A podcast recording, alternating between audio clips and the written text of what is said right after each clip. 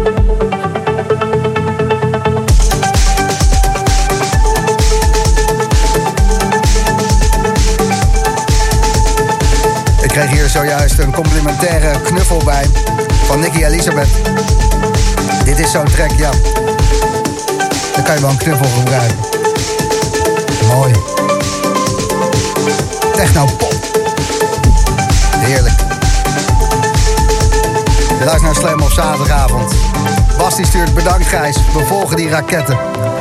En Ilona. En wederom staat Nicky Elisabeth heerlijk te draaien. Zo gaat het nog wel even door. Gratis slammen. Mooi. De Boomroom op zaterdag. Wat fijn om dit uit te zenden. Nicky Elisabeth.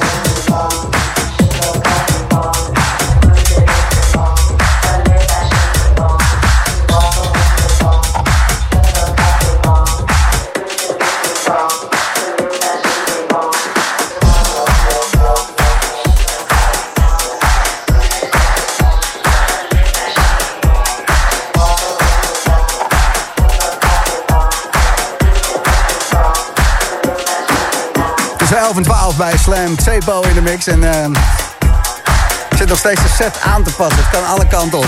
11 en 12. Uur lang Cepo. En dit is alweer de laatste in de set van Nicky Elisabeth. Dansen, dansen, dansen.